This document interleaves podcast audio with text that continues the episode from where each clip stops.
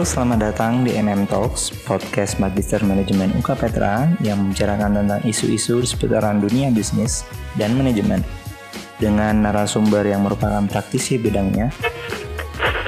Dari kita pribadi pun ada kepanikan, mulai siap-siap dan lain-lainnya sampai akhirnya ya mereka semua alias customer kita yang biasanya hidup normal dalam artian setiap harinya masih ke kantor, masih uh, pesan makanan lewat ojol dan lain-lainnya, itu semuanya benar-benar behaviornya berubah. Jadi omset saya yang setiap harinya ibaratnya sekian, bet turun 80 persen. Ada nggak ada nggak ada yang pesen, saya mau menu ini harus ada terus. Karena saya yakin ada orang satu dua pasti pesen menu ini ya bener tapi dalam satu minggu cuma keluar sekali kalau setiap hari ini ada terus, ya kan bahannya dikeluarin terus, dikeluarin, dan ternyata waste management kita jelek, kita nggak bisa kontrolnya, dan ternyata kita nggak bisa nyimpannya dengan baik, itu setiap hari bakal menjadi spoil, spoil, spoil, spoil. Nah, kalau spoilnya tinggi, ya costing lagi ya kan. Kalau costingnya tinggi, omset kita tinggi juga, ya masih ada margin. Nah kalau omset kita betul 80% misalkan, sisa 20%, terus gimana dong marginnya? Yang ada kita malah tombok ya kan? Yang mana kita nggak untung malah buntung kalau kita kasih something di dalamnya satu keunikan di dalamnya yang nggak dimiliki kompetitor bahkan orang lain ini bakal menjadi trigger orang untuk membuat kita membeli produk kita gitu loh. Yaitu yang terjadi di gentai kita. Viral gila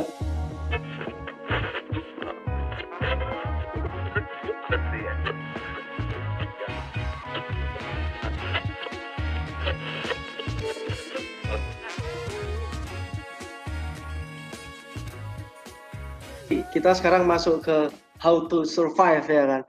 Jadi mode yang kita sekarang gunakan itu kan awalnya ketika ibaratnya kita 2020 sudah mau ini berlari nih ya, berlari lagi dalam artian wah kita sudah evaluasi 2019 seperti ini, 2020 kita mau seperti ini, ternyata selesai, boom, itu nggak nggak ada ibaratnya apa yang sudah kita rencanakan semuanya batal.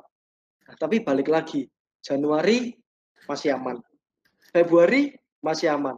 Nah, Maret ini ya, bisa dibilang Maret Surabaya. Nah, kalau di eh, Maret ketika awal Bapak Presiden kita Joko Widodo bilang Indonesia resmi statusnya terkena COVID dua orang positif ya kan. Hmm, yeah.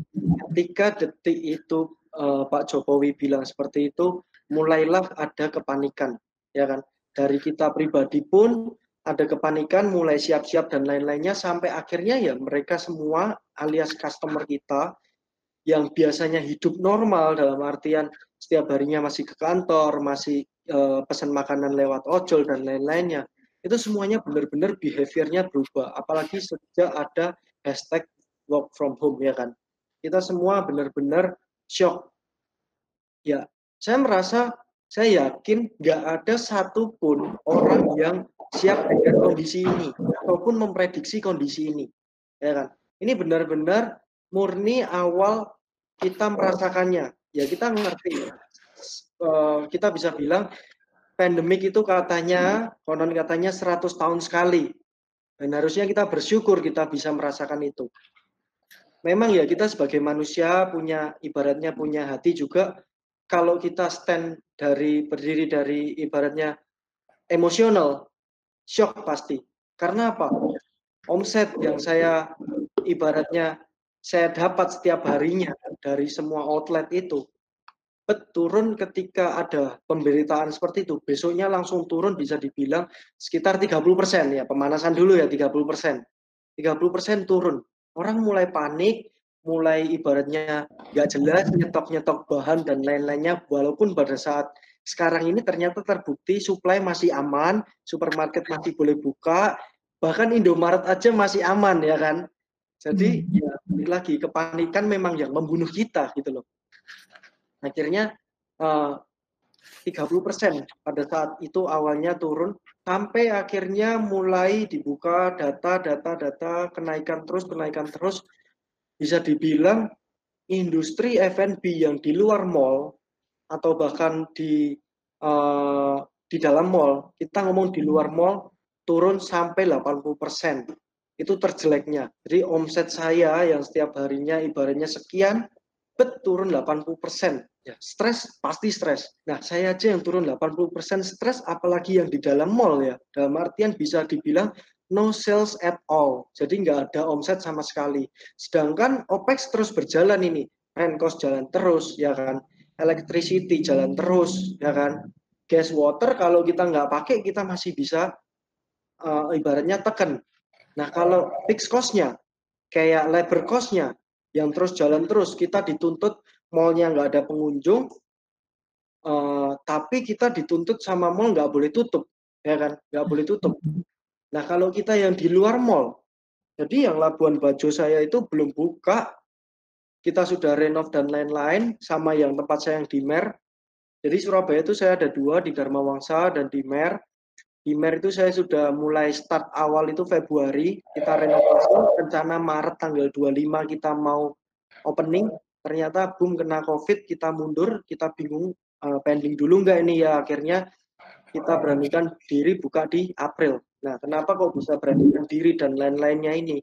Yang mana awalnya ini saya stres, saya drop, dan ya bisa dibilang uh, saya yang awalnya itu orangnya sangat positif, sangat ibaratnya selalu berpikiran itu selalu positif, ya balik lagi gila.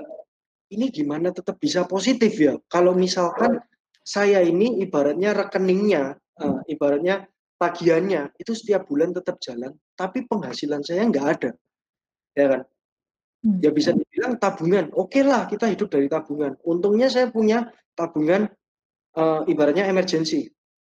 Jadi saya cukup melek uh, financial apa namanya education juga dan saya cukup apa namanya siap dengan kondisi seperti ini tapi balik lagi seberapa lama saya bisa bertahan kalau hmm. ini kondisi nggak pernah selesai dalam artian impossible dalam jangka waktu awalnya kita optimis. Dua bulan selesai tiga bulan selesai. Kayak di China tiga bulan empat bulan selesai. Ya gila orang Indonesia ya kan ya. Kita mau berekspek apa? Kita ngomong PSBB di Surabaya aja kayak gitu. Kayak di pasar aja masih kayak gitu, di mana masih rame ya kan. Akhirnya saya mau berpikiran positif. Gimana kalau setiap bulan fix cost saya pribadi, kehidupan saya sudah punya istri, punya anak dan punya tanggungan yang lain, ya kan. Belum lagi uh, saya karyawan total sekarang ada 150 lebih dari 14 outlet itu. Ya bagaimana kita bisa bertahan dari kondisi ini gitu loh. Sampai akhirnya saya berpikir terus, saya mau sampai kapan stres gitu loh. Saya mau sampai kapan menyerah dengan keadaan ini. Kalau dari segi logika, kita kan harus berdiri juga dari segi logika. Saya sudah lakukan itu semua. Dalam artian kita punya uh, holding company, ya apa yang bisa kita tekan, kita tekan dulu. Mulai dari cost nih ya. 2020 KM geprek Februari kita set 24 jam. Which is itu tiga shift ya kan? Tiga shift kita jalan terus. Tiga shift kita listrik jalan terus. Ketika pandemik kita pikirkan dulu kalau 24 jalan 24 jam kerja jalan tapi nggak ada omsetnya ya kita bunuh diri ya kan kita bunuh diri akhirnya kalau secara logika yang kita lakukan kita benar-benar cek dulu secara internal kita OPEX kita apa yang bisa kita tekan kita tekan dulu dalam artian, contoh, uh, bahan ini kita ngomong dari menu ya, kita ngomong dari menu. Kita cek, kita evaluasi. Item kita yang sering keluar tuh apa sih? Top 10 items kita yang sering keluar tuh apa? Oh ternyata ini, ini, ini, dan ini. Ya sudah, kita hanya jual itu aja. Yang lainnya, kita singkirkan dulu. Kayak misalkan, sebenarnya ini uh, ada beberapa item yang laris juga kayak misalkan keju moza itu sangat ya favorite lah ibaratnya sebagai topping tapi kalau pertanyaannya gini kira-kira kalau misalkan kita nekat keluarin keju moza which is itu import ya kan keju mozanya import dari kita ngambil dari uh, produknya Italia dan atau ada yang dari Australia ada distributornya ke Indo dan distributornya di Indo bilang harga naik karena COVID import susah ya kan Pertanyaannya kita masih nekat nih mau keluarin ini punya produk. Walaupun itu masuk ke kita punya top 10 items, ya kita nggak mungkin jualan juga. Karena itu ya nggak mungkin nutut dengan operasional apa kita punya sales, kita punya omset.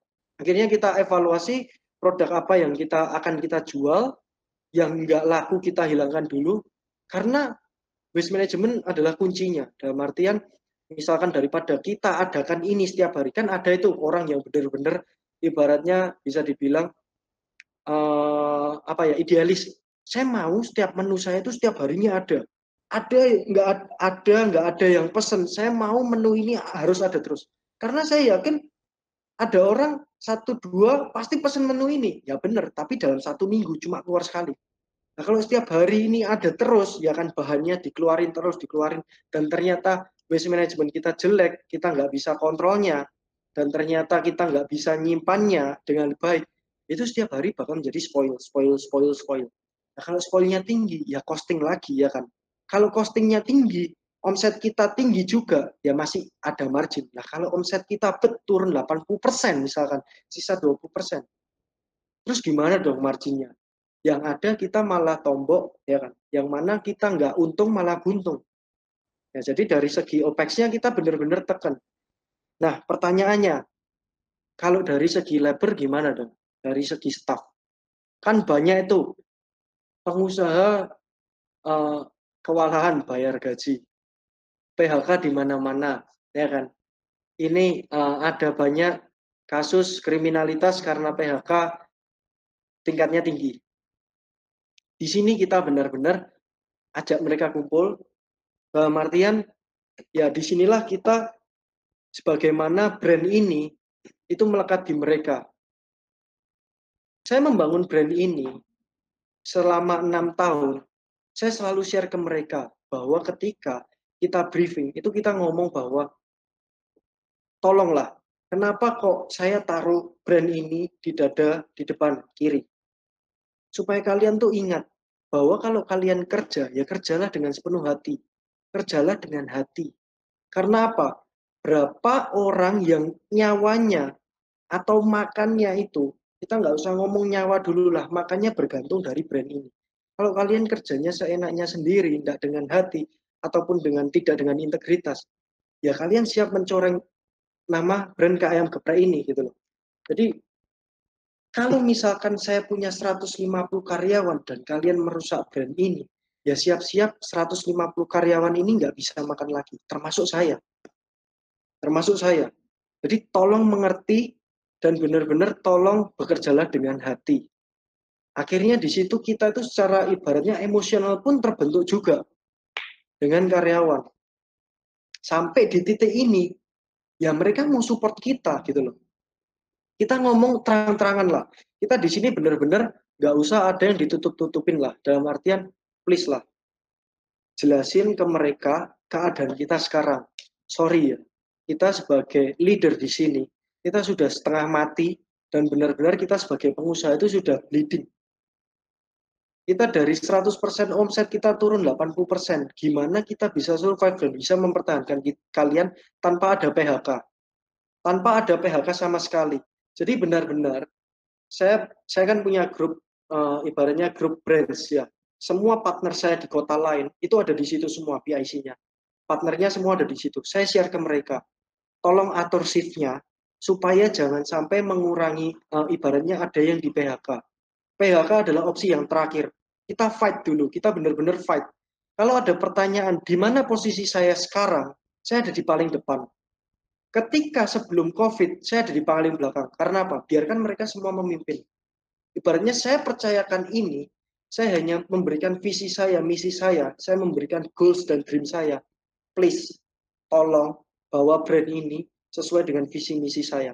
Kalau kalian bisa di dalam tim saya, saya akan support. Tapi kalau nggak bisa, silahkan keluar. Ya kan? Tapi sekarang ini, kalau ada pertanyaan, di mana posisi kamu sekarang, Fer? Dengan staff kamu, ataupun di mana posisi kamu sekarang untuk perusahaan ini? Saya berada di paling depan. Karena saya leader dan saya harus bleeding yang paling pertama. Bila mana saya harus terluka dulu, saya terluka dulu. Jadi bila, bisa dibilang ya, saya bulan lalu saya nggak terima yang namanya profit. Seriously, saya nggak terima yang namanya profit. Semuanya pokoknya asal terbayar dulu. Karyawan semua terbayar, supplier semua terbayar, saya terima belakangan. Masih ada terima sisa ya syukur, ya kan? Kalau nggak terima sisa ya namanya bisnis, ya kan? Ya kita nggak ada yang tahu. Ya, jadi bisa dibilang if you fight for me, I will fight for you. Jadi siapa yang fight dengan saya sekarang saat ini, saya bakal kerja dengan dia besoknya. Jadi karyawan-karyawan saya yang setia sekarang ini, puji Tuhan semuanya setia dan semuanya support saya. Saya akan bekerja untuk dia besoknya. Saya akan ingat semuanya namanya satu persatu. Saya akan fight for him. Gitu. Jadi ya kita nggak ada PHK sama sekali. Apa yang bisa kita cut? Hanya dari OPEX-nya kita cut. Tapi kalau untuk karyawan, please don't do that. Jangan PHK.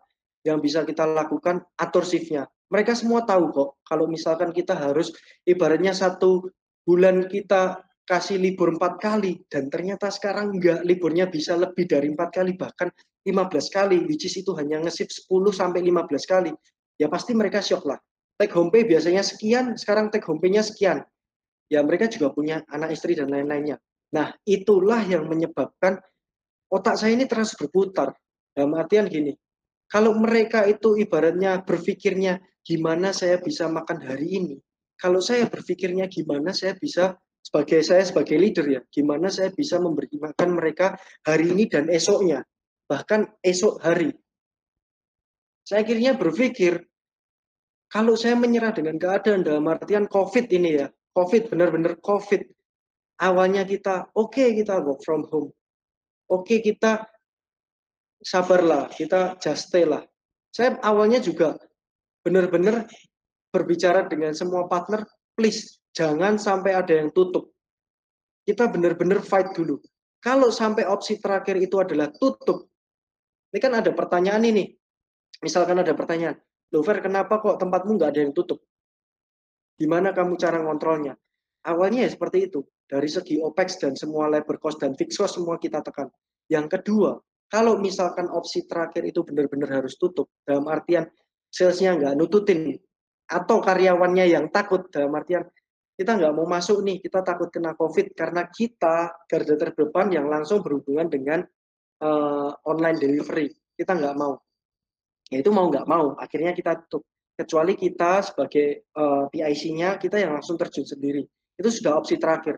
Misalkan pun nanti harus ada cuma dua orang staff di dalam satu outlet saya minta semua partner saya harus terjun kita semua harus terjun, kita yang harus kerja. Karena apa? Saya benar-benar mau fight untuk brand ini, saya nggak mau tutup untuk brand ini. Sampai kapan pun, kecuali benar-benar kita rugi. Kalau rugi kita mau ibaratnya torok juga, ya terserah. Tapi kalau nggak mau torok, ya kita mau nggak mau tutup. Tapi kalau mau masih ibaratnya masih ibaratnya untuk nggak rugi nggak fight lah. Please fight for it. Karena apa? Ketika semua ini ibarat kompor ya. Jadi pandemik ini bisa dibilang saya sangat bersyukur. Ini secara nggak langsung seleksi alam bagi semua F&B planner yang ibaratnya hanya main-main. Semua kan bilang, wah enak ya kamu ya uh, bisnis F&B rame terus gini gini gini gini. Ya kalian rasakan sekarang gitu loh. Kalian ibaratnya ada yang uh, ibaratnya punya modal duit doang uh, franchise ini tapi nggak ngerti cara mainnya ya ini sekarang kita benar-benar sebagai entrepreneur diuji. Benar-benar sekarang kita ini diuji. Ya kan? Bagaimana kita bertahan dan bagaimana kita tetap survive. Modenya sekarang kita itu survive, tapi posisi sekarang kita udah nggak survive. Kita sudah survive, sekarang defensif. Setelah defensif apa? Ya kita harus benar-benar recovery. Setelah recovery apa? Growing. Gitu. Tapi sekarang masih di posisi defensif untuk recovery. Di saat semuanya itu memilih untuk tutup, kita harus tetap stay untuk bertahan. Inilah nilai brand kita yang bakal dilihat orang. Dari yang mana orang-orang itu ibaratnya ini tutup, ini tutup, ini yang tutup, ini permanen, ini cuma temporary. Kita benar-benar tetap buka. Jadi bisa dibilang kita buka aplikasi online karena kita lagi PSBB nggak boleh ada dine-in kan ya kita harus take away kita buka online Loh semuanya kok close close close close loh kok KM geprek ini kok masih buka ya ya kan loh kok KM geprek masih buka ya nah di sinilah kita kenapa kok saya selalu bilang fight lah kita harus fight ini pada saat ini, ini saatnya kita branding habis-habisan. Karena apa? Orang bakal selalu ingat. Satu, orang ini posisinya nganggur di rumah dalam artian, kita lihatlah uh, data ya, screen time kita punya handphone, itu naik semua. Dari yang screen time HP, time HP, ataupun dari sosial media kita. Pasti semua naik. Nah, bisa dibilang semua orang ini sedang fokusnya ke kita punya sosial media, udah hajar. Hajar aja, kita harus fight. Jadi ketika kita lihat brand kita ini benar-benar uh, masih buka, ya orang bakal ingat, oh ini loh, brand ini yang selama pandemik masih sustain dan masih konsisten buka. Itu yang bakal orang lihat, bakal orang ingat sampai nanti ini semuanya selesai. Jadi kalau ditanya investasi investasi kita yang terbaik saat ini apa? Investasi kebaikan. Dari brand kita ini harus bisa memberikan dampak, impact sosial yang luar biasa. Gitu. Jadi orang bakal selalu ingat bahwa brand ini yang bertahan di masa COVID dan bisa memberikan dampak sosial yang luar biasa. Ketika kita berpikir bahwa uh, apa ya, apa ya ini kita bisa memberikan uh, sales dalam bentuk apa ya? Kita bisa ngangkat sales apa ya? Ketika orang semuanya promo buy one get one, ketika semua orangnya free delivery, kita berpikir bahwa akhirnya ini aja, kita buy one. Jadi beli satu, donasi satu. Men tahu ya pada saat itu kita awal sekali kita memberikan itu bahwa setiap kalian beli satu, kalian turut mendonasikan satu. Gila, salesnya memang naik pada saat itu. Karena ya orang Indonesia balik lagi, ternyata jiwa sosialnya tinggi gitu loh. Ternyata jiwa, jiwa sosialnya tinggi dan kita juga punya uh, apa social impact juga bahwa kita memberikan uh, bantuan juga kepada mereka semua. Kita open for donatur. Jadi misalkan satu paket harganya 20.000, kita patungan dengan donatur. Donatur hanya membayar 50 persennya, which is itu 10.000. Kalau donatur punya uang 300 ribu, kita tambahin 300 ribu juga. Jadi berapa paket? Paketnya yang nanti akan kita alokasikan ke terserah mau ke, garda terdepan misalkan kayak uh, dokter ataupun relawan ataupun uh, kepolisian dan juga semuanya ataupun ke orang-orang uh, yang memang membutuhkan gitu. Kita akan bantu alokasikan juga barangnya. Itu yang kita lakukan selama benar-benar selama Covid. Jadi kita benar-benar bertahan dan kita awalnya yang bisa dibilang, udahlah kita nggak bisa ngapa-ngapain sekarang ini. Mau gimana pun kita nggak bisa karena ini keadaan alam gitu loh. Tapi balik lagi saya itu berpikir kalau saya menyerah dengan keadaan itu bukan Ferry namanya. Ferry itu harus berjuang gitu loh. Ferry itu selalu berjuang. Akhirnya saya memutar otak. Saya berpikir bahwa mungkin market ini jenuh. Market ini sedang jenuh. Sampai akhirnya saya tuh Eh, iseng-iseng uh, ya mengeluarkan satu produk baru. Nah, ini aneh juga. Yang awalnya sudah banyak yang bilang pandemik banyak yang tutup, ya kan banyak outlet yang tutup, saya malah buka outlet. Saya malah buka outlet di Mer. April saya akhirnya buka, nekat buka. Dan puji Tuhan, salesnya luar biasa. Karena apa kok salesnya luar biasa? Karena banyak saingan yang tutup. Jadi ketika banyak orang yang mengeluh, waduh saya jatuh, waduh saya baratnya, waduh saya hancur, waduh saya gini. Ya di situlah saya mulai nggak banyak saingan. Ketika kalian bilang saya terpuruk atau misalkan, aduh saya menyerah, di situlah kuncinya kita harus bangkit. Karena nggak ada saingan. Dan terbukti benar, saya putar daerah MERS itu, yang mana potensial bayar semua, ataupun semua orang-orang yang jual F&B di situ, semuanya mostly tutup. Saya berpikir ketika saya buka sendirian, ya saya nggak ada saingan dan saya buka dan ternyata salesnya bagus. Nah itu cukup uh, cukup menarik juga dalam artian uh, ada sebelumnya saya juga ada jadi speaker juga judulnya menarik juga ini ketika orang lain tutup di masa pandemik KM Geprek malah buka. Ini strategi apa ini yang dilakukan gitu loh. Nah, itu ibarat kompor ya, ibarat kompor. Kenapa kok saya nggak mau semua partner saya itu ada satu yang tutup kecuali benar-benar harus tutup karena faktor X. Ini ibarat kompor. Saya tuh pingin kompor itu kan ada api kecil ya. Jangan matikan kompornya, tapi setting di api kecil. ibaratnya kita mau mendidihkan suatu air ya kan. Biarkan airnya itu tetap hangat. Pakai apa? Pakai api kecil. Kalau ketika semua orang itu pada matikan kompornya, kita jangan matikan kompornya. Tetap bertahan, matikan, eh, pakai api kecil. Jadi ketika ini keadaan sudah kembali pulih, tinggal besaran, besarin aja ini kompornya. Dari tingkat titik didihnya itu enggak dari 0 derajat, enggak dari 0 derajat lagi. Jadi bisa dibilang 50 derajat kalau kita besarkan dikit ke 100 derajatnya itu lebih cepat daripada mereka-mereka yang melakukan PHK, mereka-mereka yang melakukan ibaratnya usahanya harus tutup ya kan. Mereka harus start dari awal, mereka harus training ulang, mereka harus cari tim lagi, mereka harus bangun dari ulang lagi. Sedangkan kita, tim sudah kita pertahankan, mereka menerima keadaan karena kita bisa memberikan mas apa ibaratnya sesuatu dengan sincerely ibaratnya kejujuran kita, keadaan kita, dan mereka bisa menerima. Ketika keadaan sudah pulih, besarin aja kompornya. Tinggal kita lari. Nah, di situlah ketika kita bisa menang lebih cepat daripada kompetitor.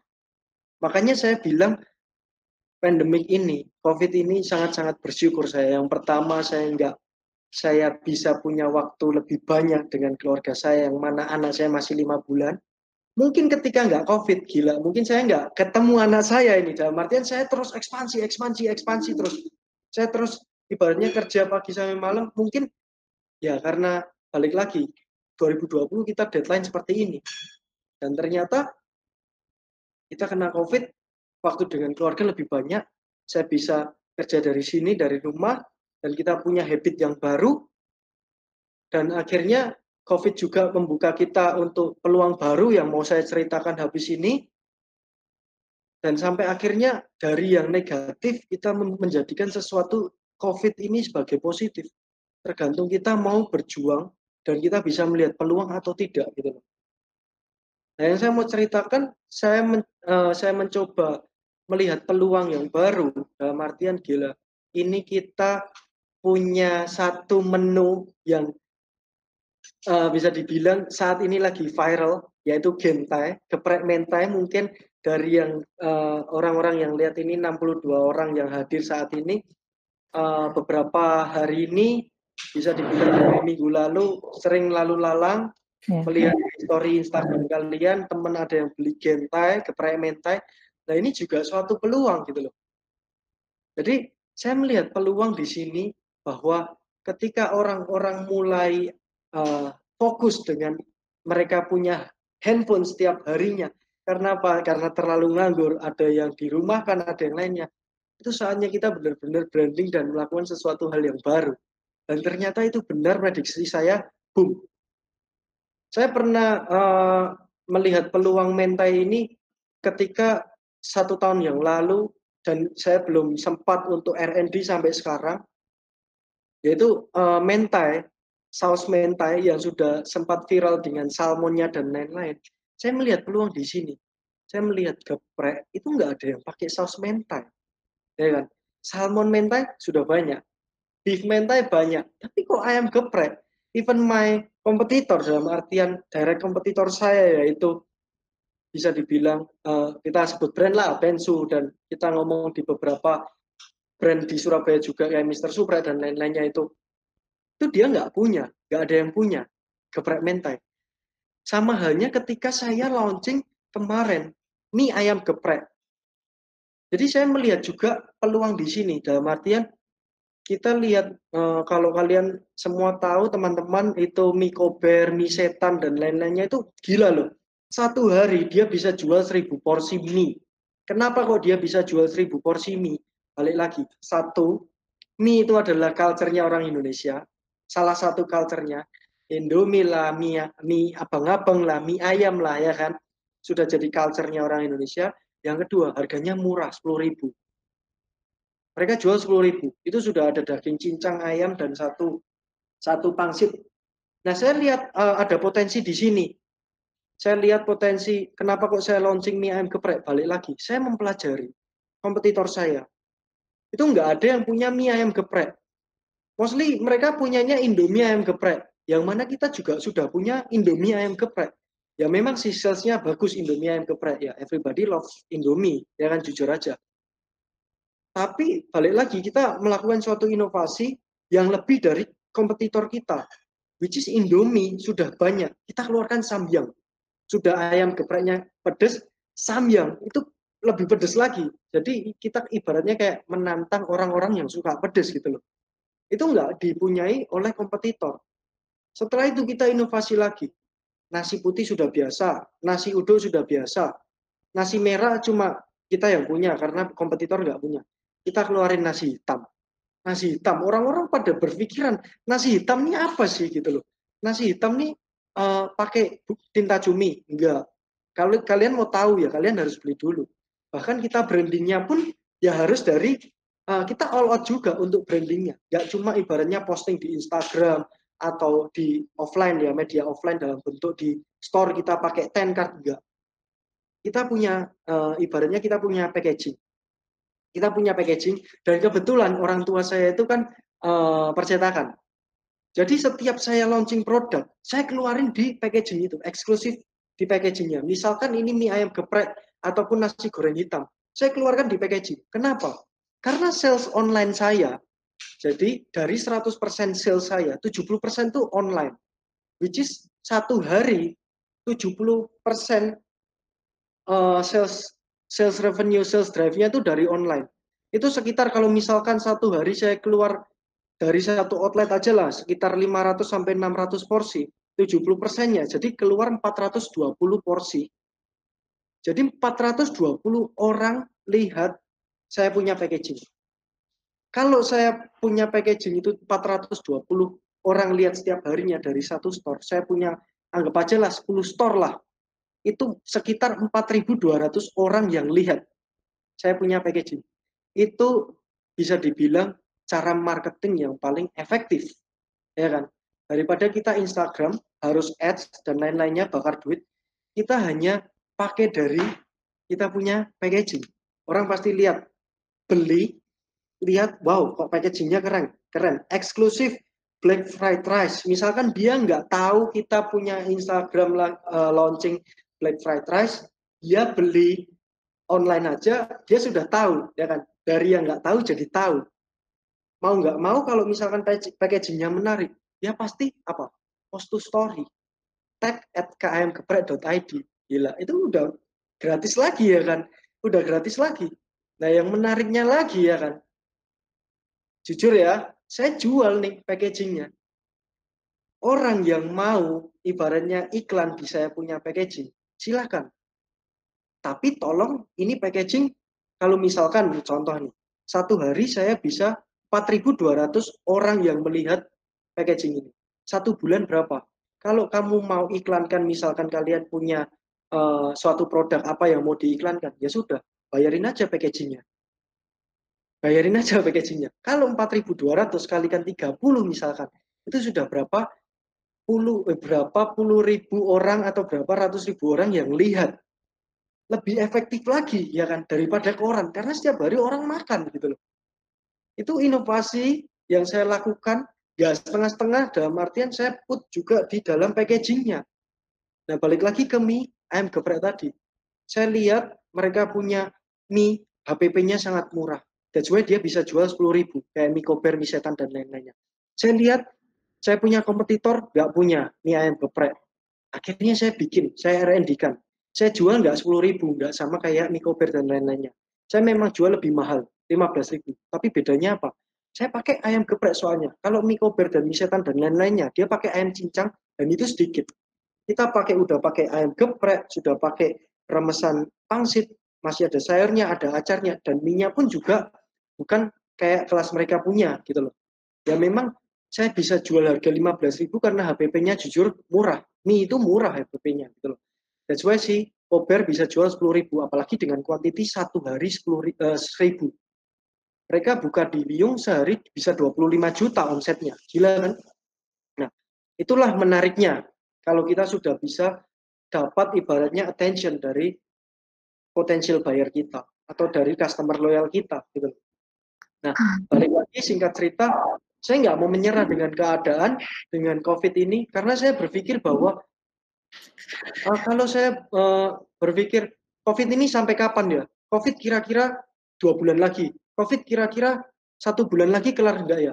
Kok prediksinya COVID ini kok uh, selesai Lebaran selesai ya? Apakah omset saya bakal balik ketika nanti setelah Lebaran selesai ya? Kita nggak bisa prediksi. Yang kita bisa lakukan adalah apa? Ya kita berusaha. Kalau kita menyerah dengan keadaan dan ibaratnya ya sudahlah, kita terima apa aja apa kita terima aja lah ini keadaan seperti ini. Ya siap-siap aja. Kita hidup dengan tabungan yang setiap harinya semakin menipis, menipis dan menipis. Pertanyaannya kalian mau seperti itu atau kalian mau melihat peluang atau menciptakan peluang baru dan kalian mau melakukan itu. Dan akhirnya saya meminta tim R&D produk saya untuk ayo kita coba lagi, kita launching produk gentai, geprek mentai. Yang mana ini mentai ini baru hype. Akhir-akhir ini baru hype kita baca tren. Saya tuh suka baca tren dalam artian, oh trennya baru ini, oh trennya baru ini. Kira-kira aplikatif nggak sih kalau misalkan dipakai di kita punya brand dan lain-lainnya. Dan ternyata kita R&D, wow. Ini salesnya luar biasa, ngangkat dan ternyata viral. Dan ternyata demand-nya itu luar biasa. Dan bisa disimpulkan, ya ini keadaan ternyata nggak krisis ternyata orang cuma jenuh aja dengan menu-menu yang sekarang ada frozen food lah yang ibaratnya orang jual ayam goreng satu jual ayam goreng frozen food semuanya jual ayam goreng. Ya please taruh satu unique selling point ataupun strong point yang bisa kalian taruh di produk kalian. Ibaratnya gini saya bisa masak nasi goreng Mem Shirley bisa masak nasi goreng. Kalau saya bisa masak nasi goreng dan Mem Shirley bisa masak nasi goreng so what's the point gitu loh? Ibaratnya nasi gorengnya bakal sama. Hasilnya, outputnya bakal sama. Kalau kita kasih something di dalamnya, satu keunikan di dalamnya yang nggak dimiliki kompetitor bahkan orang lain, ini bakal menjadi trigger orang untuk membuat kita membeli produk kita gitu loh.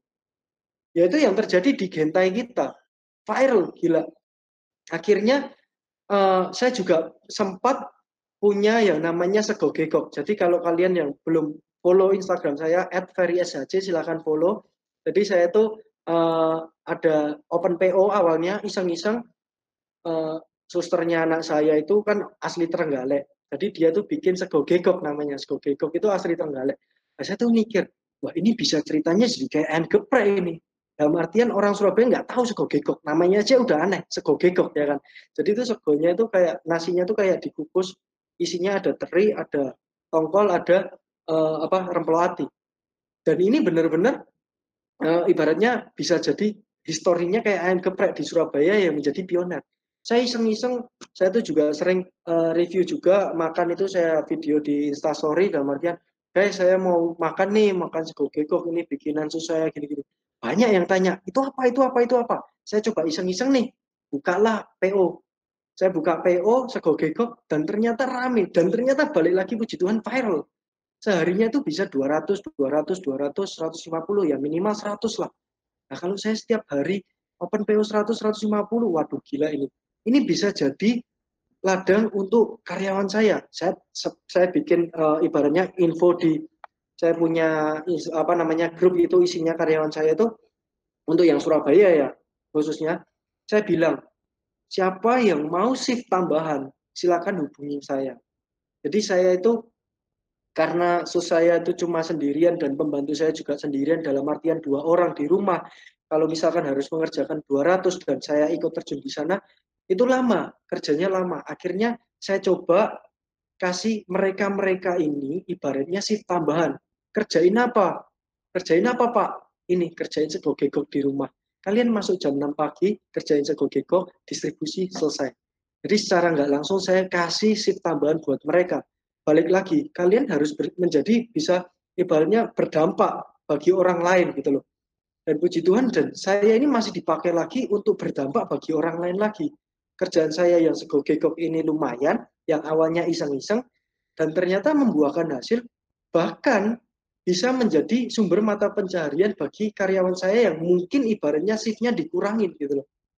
Dan sampai sekarang pun masih berjalan jadi mungkin yang belum follow bisa follow at SHC dan juga at kakkkkayamgeprek.id ya itu Instagramnya. Kalau misalkan mau info-info uh, ibaratnya apa pun yang kita lagi sedang ibaratnya kita jual produk baru ataupun saya barusan launching juga puji Tuhan saya launching brand baru cookware diajak teman juga. Jadi saya selalu percaya bahwa peluang akan menghampiri orang-orang yang selalu mau berusaha. Tergantung kita mau berusaha kita mau tetap berjuang atau tidak. Karena peluang itu ada di mana-mana dan uh, ibaratnya kita pasti akan ada jalan. Pasti ada jalan bagi orang yang selalu berusaha. Tuhan saya ditelepon teman saya dari Jakarta, dia punya pabrik cookware, ya kan, minta saya untuk join di timnya. Akhirnya kita launching, namanya Acer Indonesia, kita barusan buka usaha juga, nanti hari Minggu kita official launch, bisa dibeli juga mulai hari Minggu. Jadi ibaratnya kayak COVID ini kayak bila awalnya yang bencana, malah jadi peluang yang nggak habis-habisnya jalan keluar. Gitu kan. Ceritanya seperti itu. Oke, okay. ya terima kasih Pak Ferry untuk uh, apa namanya sharingnya di segmen kedua. Nah teman-teman uh, sebelum nanti ini ada pertanyaan yang mungkin yang pers, apa yang individu-individu ya pertanyaan yang satu-satu nanti saya persilahkan uh, kepada Pak William nanti untuk menyampaikan kemudian Pak Billy juga silakan menyampaikan sendiri pertanyaannya dan Bu Yusya juga.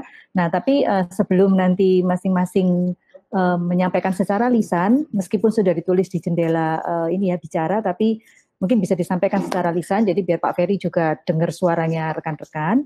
Nah, saya mau membacakan satu pertanyaan Pak, uh, apa namanya? Karena pertanyaan ini saya bacakan uh, karena ditanyakan oleh tiga uh, peserta, ya, oleh uh, Saudara Kenny, oleh Bu Diana, dan juga oleh Antoni. Nah, kebetulan uh, Bu Diana dan Antoni ini kalau Bu Diana sudah punya usaha kopi ya Bu ya, coffee shop. Nah ini rencana mau fran mau franchise sebenarnya. Sudah ada okay. rencana mau franchise, tapi kemudian iya. karena lihat Pak Ferry tadi direm dulu. Banyak, betul. Nah, jadi jadi pengen tahu penasaran gitu. Lalu Antoni ini dia uh, sedang apa namanya membantu bisnis orang tua pecel kawi Malang Pak, legenda Pak. Oh iya iya. Ya, nah jadi uh, pertanyaannya sama. Jadi antara tiga penanya ini, kenapa ya. kok Bapak memilih uh, partnership bukan franchise gitu? Nah, silakan dijawab dulu Pak. Oke, yang pertama ya. Hmm. Pertanyaan yang pertama, terima kasih untuk pertanyaannya. Dan ya. ini sering kali dipertanyakan di ya. beberapa. Ya, saya kalau jadi speaker juga sering banget ditanyakan.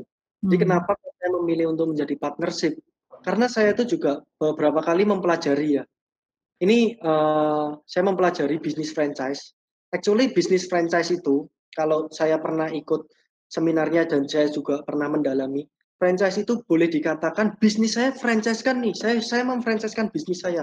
Itu at least lima tahun kita uh, apa namanya establish. Jadi kita kalau sudah selama lima tahun sudah jalan dan ternyata masih survive itu baru boleh mendaftarkan bisnis kita ke ibaratnya kayak license-nya untuk franchise ya kan?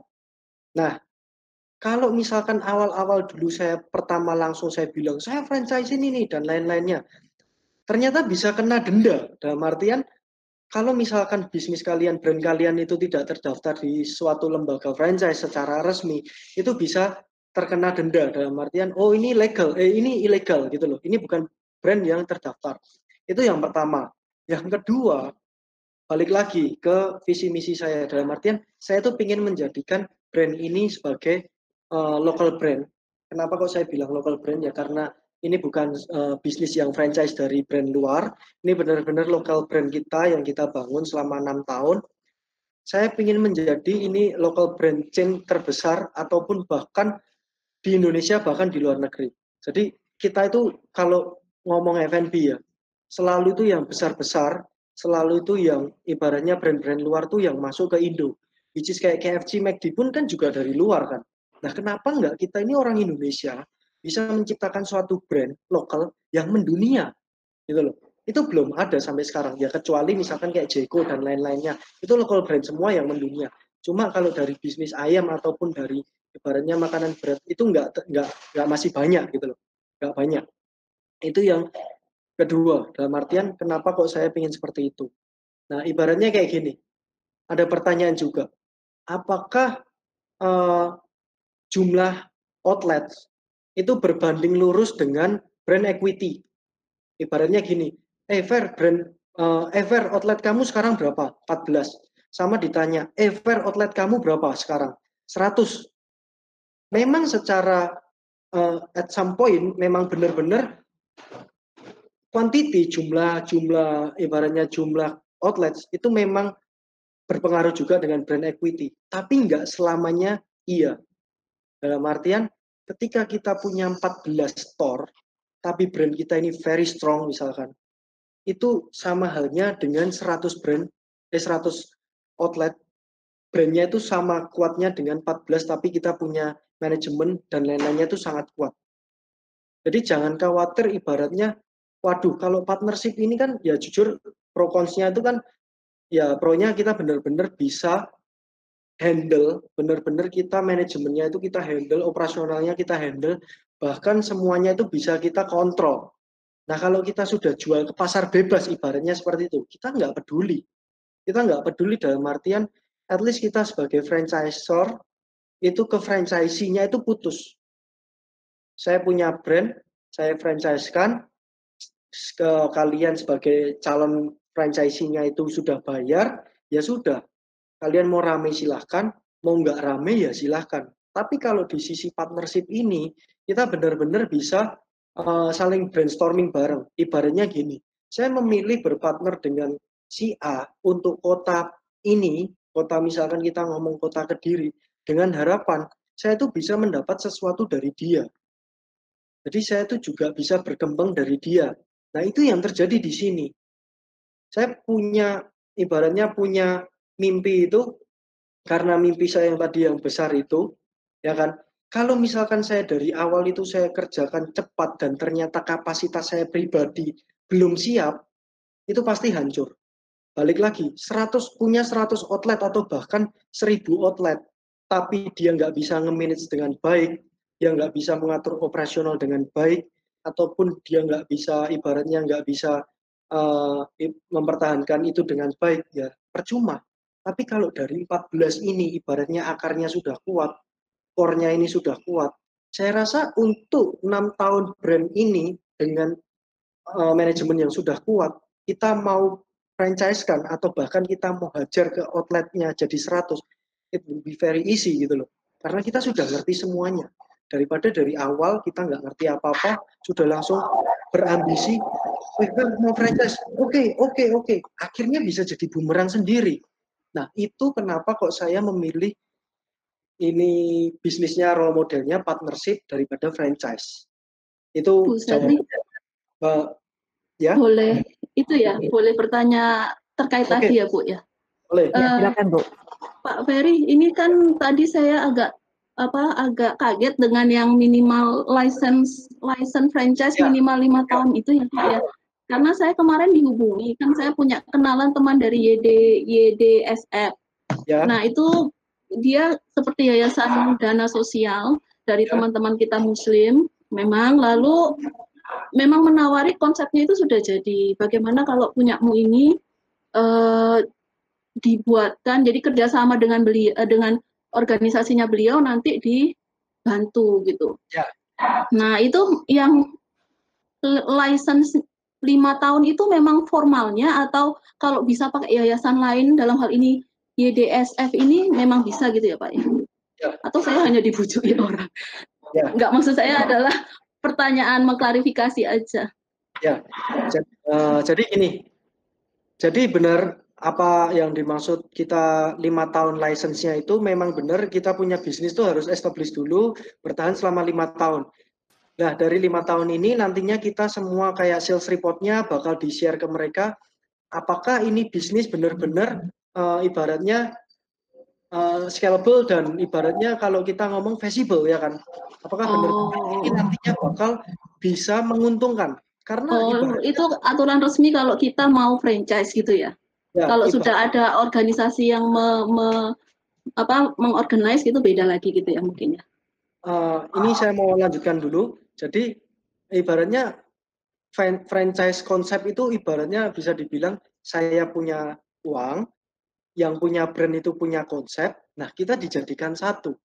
Nah kalau misalkan brandnya ini belum kuat, ibaratnya masih belum jelas, tapi sudah di franchise kan, kan kasihan yang franchise. Dalam artian saya sudah bayar mahal-mahal, misalkan kita ngomong 100 juta, ternyata ini satu ya kalau misalkan untung, kalau cuma bohongan doang kan ya kita susah juga.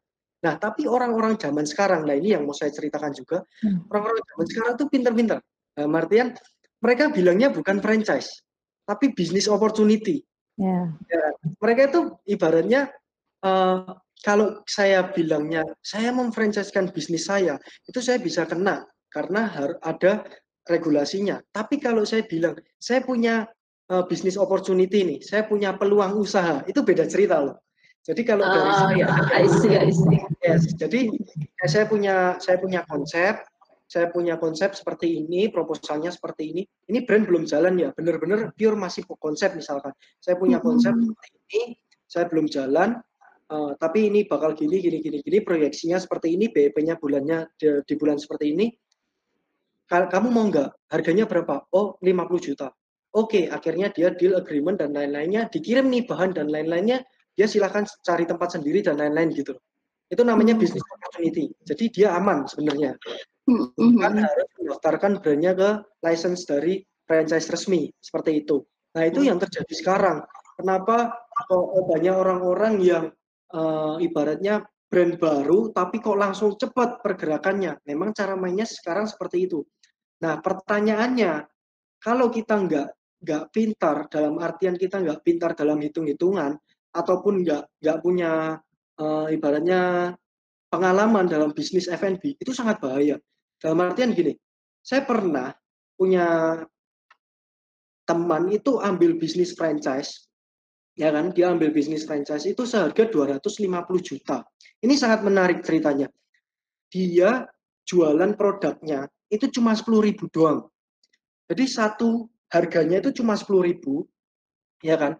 Dia jual franchise fee-nya 250 juta, itu sudah include booth dan lain-lain, tapi di luar satu mall, uh, di luar mall itu dalam artian rent cost, di luar uh, apa namanya, di, apa setiap bulan itu kan ada service charge dan lain-lain dari mallnya, biaya maintenance, ya bisa dibilang kita ngomong lah siap uang 300 juta untuk modalnya, ya kan?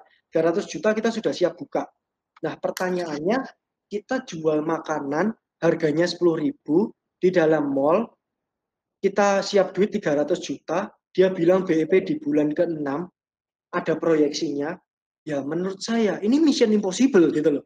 Karena saya sudah ngerti bisnis F&B dan saya sudah menjalaninya dan memang benar untuk misalkan kita punya duit 300 juta harga jualnya sekian dia proyeksinya sekian jualnya di mall lagi. Gila mall itu enggak setiap hari rame ya kan? Kita harus effort ke mall dan pada saat itu belum ada online delivery dan produknya sangat ibaratnya umum, nggak ada nggak ada unique selling pointnya, nggak ada sesuatu yang unik supaya orang mau beli untuk repeat dalam artian seperti itu, dia bisa meyakinkan kita balik di bulan ke-6. Ya, menurut saya mission impossible gitu loh. Nah, tapi pertanyaannya lucunya, kenapa kok dia setiap uh, bisa bilang setiap bulan itu selalu buka outlet baru? Ya ini balik lagi. All marketers are liars. Dalam artian dibuka outlet ke 60 ya ternyata tutup lubang gali lubang. Buka outlet ke 60 tapi yang 30 udah tutup. Ada yang di lagi ada yang di lagi buka outlet ke 61 tapi yang ketiga satu udah tutup gitu loh.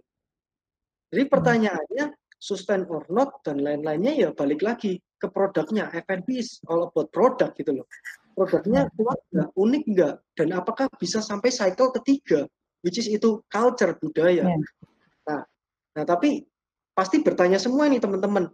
Nah, tapi kok tetap ada Pak yang uh, yang ada yang bayar 300 juta, kan franchise fee-nya naik terus nih. Hmm.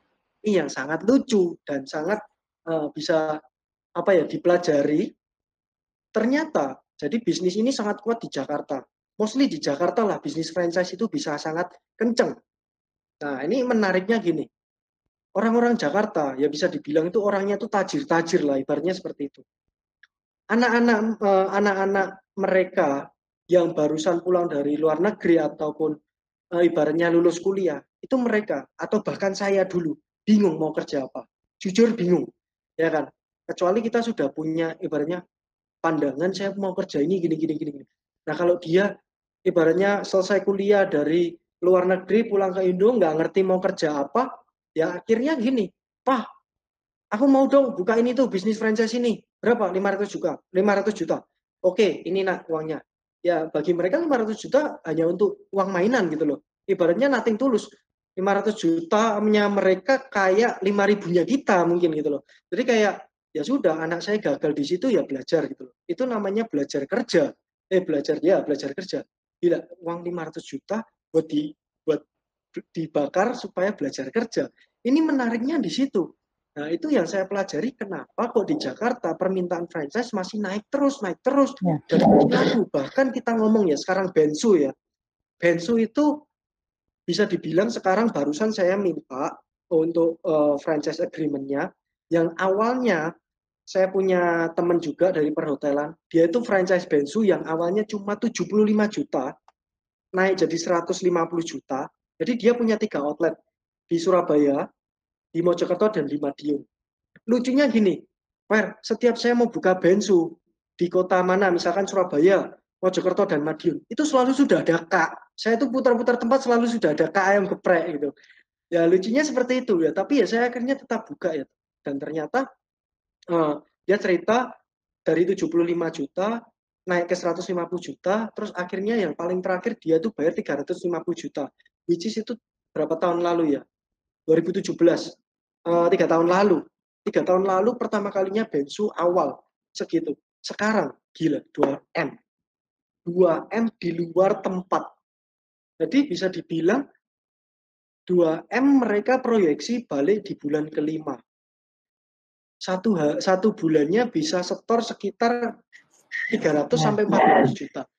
Nah, menurut saya mission impossible gitu loh. Mission impossible untuk keadaan yang sekarang maupun sebelum Covid maupun sekarang Covid ini tambah kasihan lagi gitu loh. Nah, yang saya tunggu-tunggu ini, ini yang paling saya tunggu-tunggu lagi. Dua tahun dari 2020, which is itu lima tahun dari 2017, mereka semua yang franchise harus renewal, ya kan? Dan saya ada tanya ke partner, eh, ke orang yang franchise Bensu itu teman saya. Kira-kira agreementnya gimana kalau misalkan nanti lima tahun lagi? Dia bilang bayar 75% dari harga terakhir. Nah kalau harga terakhirnya misalkan 2M, 75 persennya 1750 M untuk lima tahun ke depan. Belum sewa rukonya, belum lain-lainnya. Kira-kira kalian mau perpanjang nggak? Ya kalau saya sih nggak mau gitu loh. Kalau saya nggak mau, ya kan? Nah, ketika ini mulai nggak banyak yang memperpanjang, pilihannya dua. Entah ini nanti bensu banyak yang tutup, atau banyak yang shifting ganti brand. Nah, kalau ganti brand, pertanyaannya, apakah bakal sekuat bensu ya kan? Nah, di situlah konsistensi wins the game. Saya benar-benar konsisten dengan brand saya. Saya benar-benar konsisten, benar-benar branding terus, branding terus, branding terus. Ya untuk ini, gitu loh. Tadi ada pertanyaan juga, apakah nanti, eh, tadi kan ada pertanyaan itu, apakah nanti ke depannya bakal ya betul. Akan franchise Pak Ferry. Ya, betul. Ya apakah nanti bakal ke depannya di franchising ya ini off the record juga. Kebetulan kemarin saya itu ada di telepon sama bosnya Sorseli bosnya Sorseli Group itu Doni Pramono. Dia memang ini off the record tapi bapak ngomongnya nanti ini direkam loh ini pak. Ini bukan oh, off the iya. record lagi nih nanti. Uh, direkam ya? Nggak mau oh, iya. apa ya terserah terserah. Saya dulu lah. Iya jadi saya uh, sekarang ini kan permainannya kan benar-benar dalam artian ada itu yang namanya bisnis incubator, ada yang namanya bisnis accelerator, yang mana itu semuanya itu kan ibaratnya visi ya, venture capital lah, ada yang namanya angel investor lah, ada yang kita ngomong crowdfunding lah dan lain-lain. Nah, itu yang nantinya bakal kita gunakan untuk ekspansi gitu. Jadi kita sudah cukup kuat dengan enam tahun ini, kita sudah ngerti semua untuk operasionalnya dan lain-lainnya, how to play this game. Nah ini mungkin saatnya kita scale up our business gitu loh. Jadi ibaratnya gini, kita punya bisnis itu uh, kita uh, ibaratnya F&B ya. Kita punya produk, ya kan? Kita punya produk, produk ini viral dan ternyata bisa bertahan sampai ke ketiga ini, stage yang ketiga, which is itu adalah culture budaya. Kita kalau punya suatu produk, jangan jual cuma produknya, tapi jual juga bisnisnya. Itu cara mainnya. Jadi ibaratnya, tapi balik lagi ya, setiap orang kan punya, ibaratnya punya goals masing-masing. Kalau merasa sudah sudah cukup lah, aku sudah cukup dengan keadaanku yang sekarang. Satu toko aja itu sudah bisa membiayai hidupku yang sekarang ini. Saya sudah cukup puas, saya sudah cukup bersyukur. It's okay, it's enough gitu loh. Ya sudah terserah. Tapi karena mimpi saya yang masih besar gitu loh, karena saya masih punya ibaratnya punya goals, punya dreams yang lebih besar lagi. Ya kita harus terus berusaha supaya gimana kita mencapainya, kita achieve itu. Nah, salah satunya dengan ini. Kalau kita punya terkendala suatu modal, permodalan, ya mau nggak mau, sekarang ini ada jembatannya yaitu visi tadi, venture capital. Which is itu yang sudah dilakukan sama Kopi Kenangan. Dua kali dapat pendanaan. Yang pertama series A, ya kan? Mungkin ada beberapa teman-teman di sini, 59 orang ini ada yang ngikutin juga beritanya, si Kopi Kenangan mendapat pendanaan sebesar berapa ratus M dolar. Dan juga uh, ini pendapat pendanaan series kedua yaitu series B dari juga beberapa venture capital yaitu yang bakal kita lakukan sekarang. Itu yang mau saya sharekan bahwa networking itu sangat penting. That's why saya minta semuanya ini saya minta untuk apa namanya hidupkan untuk punya video itu ya salah satunya itu. Saya belajar banyak ketika saya ikut beberapa uh, apa namanya webinar. Itu mereka semuanya menuntut supaya kita tuh face to face gitu loh. Karena kita nggak ngerti ke depannya. Misalkan Pak saya pernah ikut loh Pak gini gini gini. Ya saya nggak lihat gitu loh.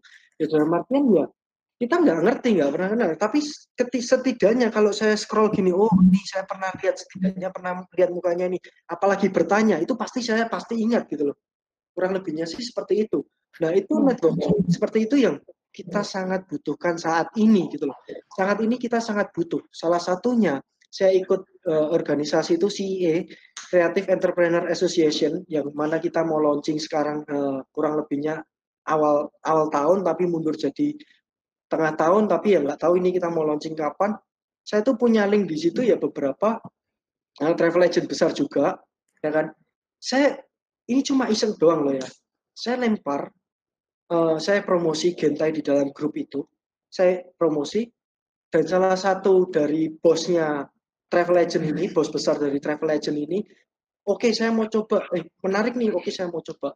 Dia ada coba, dia coba beli, dia nggak minta, dia benar-benar beli dari ojol, dia coba, dia bilang enak, dan menariknya, ini yang nggak bakal kita tahu. Balik lagi, peluang tuh selalu keluar, kita nggak ngerti. Yang penting kita harus berusaha dulu dia tuh lihat dari packagingnya. Kita kan packaging pakai aluminium foil. Which is kalau aluminium foil itu sangat ibaratnya bisa bilang uh, ready to eat, ya tak? Yeah. Ready to eat. Ibaratnya tinggal dipanasin doang yeah. bisa langsung makan. Dia bilang gini, dia telepon langsung, Per, ini gentaimu itu sangat enak dan menarik. Menariknya apa? Packagingnya ini tuh ready to eat. Kelar COVID selesai, tolong please remind me ya kita nanti meeting sama beberapa airlines, saya kenalkan, nanti saya coba approach ke AirAsia, ke Citylink, ke Jetstar, dan kalau bisa jadi mealsnya ya. nanti di Garuda, itu luar biasa. Jadi ini nanti kita kejarnya ke low cost carrier dulu, ke low cost kayak AirAsia, Citylink, dan ya. Jetstar. Baru setelah itu nanti kamu tak kenalkan ke Garuda. Kalau saya sih ya, bagi saya, berapa ada yang kasih saran kalau uh, kalau masuk di uh, airline sih bisa ngambil margin banyak. Bagi saya, I don't care with margin, I care with branding gitu loh. Ketika brand saya masuk ke airlines, itu exposure-nya luar biasa. Ya kan? Dari yang nggak tahu ke ayam geprek, dari yang ke ayam geprek kalah dengan uh, ibaratnya artis punya nama, ya tunggu dulu aja nantinya itu. Itu yang selalu saya tanamkan bahwa konsistensi will win the game. Ya, oke okay, Pak Ferry. Uh, silakan Pak William, saya persilakan dengan uh, mengajukan pertanyaannya, dibacakan saja atau secara lisan Pak, silakan. Masih ada Pak William ya? Oh ya, oh, baik masih ada saya di. Iya, uh, mungkin dikenalkan Pak namanya uh, tadi Pak William yang dari dari jurusan mana? Kayaknya oh, bukan iya. dari MM kayaknya nih. oh, saya William Limanto dari jurusan manajemen bisnis. Oke. Okay. S1 Permisi Pak Ferry, selamat siang. Saya ingin ber, eh selamat sore, maaf ya. saya ingin bertanya bagaimana Pak bagaimana caranya Pak Ferry dalam mengatur quality control dari setiap cabangnya Pak Ferry. Yang kedua, bagaimana cara distribusikan bahan baku terus peralatannya semuanya itu loh biar kadang kan kalau kita buka cabang itu kan kadang kita punya pegawai atau orang yang jaga gitu. Ya. Kadang bisa jadi buat buat meraih untung yang lebih kadang bahan-bahannya itu diganti terus takutnya B ada sistemnya yang diganti. Jadi kalau ban-bannya diganti kan otomatis kita apa kualitas dari produk yang kita hasilkan di franchise tersebut kan kurang gitu loh. Ya. Bagaimana caranya Pak Ferry supaya bisa mengendalikan setiap semua cabang yang ada yang ada sekarang ini gitu. Bagaimana sistemnya juga. Terima ya. kasih Pak Ferry. Jadi lebih ke operational and uh, supply chain ya. Ya, yeah. sebentar Pak, saya lanjut dulu ke pertanyaan berikutnya ya. Jadi supaya karena yeah. waktu kita ini udah jam 5, teman-teman juga nanti jam setengah tujuh uh, ada kuliah. Uh, silakan Bu Yusya uh, menyampaikan pertanyaannya Bu Yusya. Ya, terima kasih Bu Serli. Karena mirip-mirip tadi tentang logistik juga uh, ada kaitannya. Ya, ya silakan. ya, terima kasih. Uh, selamat sore Mas Ferry. Ya, selamat sore. Ya, uh, saya ambil MM jurusan OD. Ya. Eh, saya men mengajukan dua pertanyaan. Uh, yang pertama, ini kan basicnya ini kan bahannya ayam ya. Setahu ya. saya ayam ini kan harganya naik turun sekali. Ya. Nah, gimana itu uh, caranya Mas Fari untuk uh, menjaga harganya itu stabil? Saya pernah okay. sharing ke beberapa pemain FNB sih, cuman ini Mas Ferry ini kan termasuk generasi muda nih, menurut saya hebat sekali nih sudah uh, merambah ke mana-mana gitu. Itu yang pertama ya, gimana uh, menjaga harganya tetap stabil uh, dengan naik turunnya harga ayam. Ya. Terus yang kedua, se sepemahaman saya penyakit yang paling berbahaya untuk anak-anak muda ini adalah semangatnya itu nggak uh, stabil jadi biasanya banyak yang semangat di awal, wah rame gitu ya, semangat banget gitu. Tapi begitu kena masalah-masalah ter, terbentur sesuatu hal itu cepat sekali, wah menyerah gitu. Nah, saya uh, tertarik sekali nih dengan Mas Ferry yang semangatnya luar biasa ya. Saya lihat gimana itu mempertahankan semangatmu yang terjaga stabil sampai sekarang dengan ya. visi misi yang luar biasa. Thank okay. you, Mas. Ya. Yeah. Ya, silakan okay. Pak. Ya, dari pertanyaan yang pertama menyambung yang kedua sekalian ya. ya. Jadi kalau dari operational and supply chain, jadi uh, kalau yang pertama sih gimana kita mempertahankan untuk kualitas. Balik lagi ya, kita ini kan uh, bukan dari suatu brand yang besar yang pertama. Kita benar-benar memulai sesuatunya dari nol, bahkan dari sebuah warung gerobak lesehan. Jadi bisa dibilang kita ini benar-benar learning by doing. Apa yang kita dulunya itu kerjakan, kita benar-benar pelajari semuanya sendiri. Sampai akhirnya sekarang banyak seminar-seminar yang lain-lainnya itu kita belajar terus terus terus dan belajar sampai detik ini kita menemukan kendala. Nah ini yang mau saya ceritakan. Dulunya awal cerita yang kita kirim dari pusat itu adalah satu tepung dan packaging. Kenapa kok tepung dan packaging? Karena tepung kita produksi sendiri, yang kedua packaging, yang produksi orang tua saya. Ke, ke, kebetulan kan orang tua saya kan tadi kan offset. Saya selalu bilang ke partner saya, silahkan kalau misalkan uh, packaging ada yang lebih murah daripada saya, silahkan ambil atau buat dari kota tersebut. Misalkan Bali, pernah ada telepon, kenapa kok kita ini enggak packaging enggak bikin sendiri di Bali? Karena kan ini kita kena ongkir dan lain-lainnya kan mahal ini ada teman juga nih percetakan. Saya bilang dengan senang hati, silakan kalau misalkan memang packagingnya di sana lebih murah, kita bikin di sana aja karena kan kita sistemnya partnership. Semakin kita tekan cost, semakin profit marginnya semakin tinggi, ya kan? Kecuali tepung, kita nggak bisa dong tepung memang harus dari pusat, karena tepung itu kan kita produksi sendiri gitu. Jadi kita semuanya dulunya itu produksi sendiri, tepung kita produksi sendiri, uh, bumbu marinasi kita bumbu apa bikin sendiri, packaging kita kirim dari pusat. Jadi cuma tiga itu aja yang kita kirim dari pusat. Yang lainnya semuanya lokal, dalam artian sayur, ayam, uh, dan bahan-bahan yang lainnya itu semuanya lokal. Kita cari supplier lokal. Kita nggak kirim ayam dari pusat, kita nggak kirim sayur dari pusat, kita nggak kirim logistik juga uh, apa namanya dalam artian beras, gula dan lain-lain juga dari pusat. Semuanya benar-benar kita cari supplier lokal. Karena apa? Karena kita satu tekan cost, yang kedua ya biar nggak ribet aja. Kalau kontranya kan misalkan kalau ayam dikirim dari pusat kan harus frozen tuh. Misalkan ayam nggak frozen, ya nggak bisa dong pastinya. Pasti kan bau tuh. Nah, Kalau misalkan ayam frozen dikirim dari pusat, kayak misalkan bisnis-bisnis franchise yang lainnya, itu kebanyakan ayamnya itu kalau digoreng pecah. Jadi kayak ibaratnya teksturnya itu juicy-nya itu udah hilang. Jadi uh, kalau dada itu digoreng, apalagi di kita kan ayam geprek ya, dihancurin kan, digeprek kan. Itu bisa kayak teksturnya kayak abon. Jadi kayak hancur gitu loh. Nah, itu yang menyebabkan uh, tingkat kepuasannya itu turun. Karena saya belajar juga dari beberapa brand yang saya uh, bisa dibilang kompetitor juga, saya coba beli yang mereka itu sistemnya franchise. Ya mostly seperti itu dan terlebih di dada, ayam dada. Makanya kita sangat menghindari itu tadi, kita nggak kirim beberapa bahan yang memangnya cepat rusak kayak sayur dan lain-lainnya, itu kita semua serahkan untuk supplier lokal. Jadi kurang lebihnya sih seperti itu. Kita membangun sebuah sistem. Kita bukan suatu perusahaan yang besar, saya bukan masuk ke sebuah sistem, tapi kita membangun sebuah sistem di mana sistemnya ini tuh selalu diupdate. Jadi kalau ada yang baru, entah itu dari teknologi atau dari masukan partner, kita selalu update. Contoh nih misalkan dari warmer. Dulu kita nggak pakai warmer, kita bener-bener pakainya itu apa? Etalase, etalase ayam, dikasih lampu uh, halogen, eh kok halogen apa ya? Yang biar panas itu loh. Ya paham ya? Iya, iya. Jadi lampunya itu kita nggak pakai, bener-bener nggak pakai warmer. Nah ternyata ya karena apa? Balik lagi ya modal ya. Kita nggak kita nggak boleh excuse dengan modal. Tapi kalau memang lagi nggak, kalau memang kita punyanya budget segitu ya kita ibaratnya pakainya itu gitu loh. Akhirnya uh, partner beberapa partner bilang ini coba kita invest ya. Kita invest dulu di warmer. Kita lihat perbedaannya apakah uh, tingkat kematangan, eh, tingkat dalam artian krimnya dan lain-lain apakah berubah dan lain-lainnya. Akhirnya apa yang sesuatu masukan yang baik ya kita harus aplikasikan juga balik lagi kita partnership. Tapi kalau kita franchise nggak bisa dalam artian uh, kita ngomong ke franchise-nya kita mau keluarin menu ini. Nggak bisa. Kita mau gini. Nggak bisa nggak bisa. Regulasinya gini gini gini gini. Balik lagi karena kita partnership ya kita maju maju bersama untuk besarin brand ini.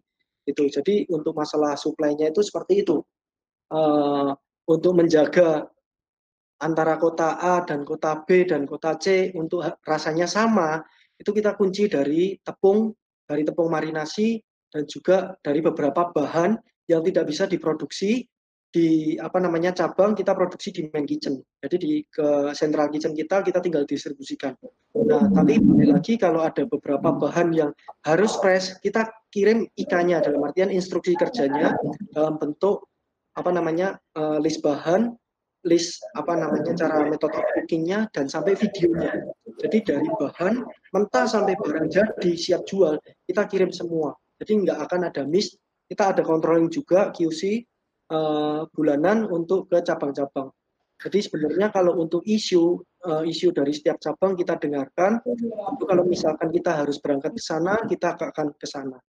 Itu sih dari supply chain dan dari operasional yang kita kirim dari pusat itu untuk menanggulangi perbedaan rasa kita tadi pakai cara itu. Dan ya. kedua tadi ada pertanyaan gimana kalau misalkan dicurangin diganti gini gini gini gini gini. Balik lagi ya. Saya pilih partner itu bukan sekedar pilih dalam harian Ever, aku mau dong uh, buka di sini. Kita langsung, ya ayo gitu. Enggak. Jadi balik lagi karena partnership, partnernya aktif, saya harus benar-benar selektif. Ada ya partner, partner saya dulu sebelum jadi partner, di dia ambil di Kediri pertama kalinya. Dia approach ke saya tuh satu tahun. Dia WA, dia uh, eh, DM, dia apa itu kayak nggak kita kayak nggak pernah uh, mencapai ang, apa ibaratnya kayak deal gitu sepakat itu enggak. Selama satu tahun dia eh gimana? Sebentar ya aku masih repot. Gimana? Gini sampai satu tahun akhirnya kita ketemuan duduk bareng. Saya merasa gila orang ini gigih juga ya. Satu tahun approach nggak pernah berhenti. Nggak pernah berhenti. Jadi memang benar-benar dia ini uh, setelah kita ngobrol saya selalu ngobrol dengan calon partner itu uh, untuk saya screening dulu personalitinya. Ya karena saya sering ketemu orang, saya bisa baca orang dalam artian, oh orang ini dari cara ngomongnya, dari uh, cara bicaranya ataupun uh, gerak-geraknya itu sudah kelihatan semua gitu loh. Orang ini memang capable atau bla bla bla. Sampai akhirnya memang ada miss, pasti ada miss lah.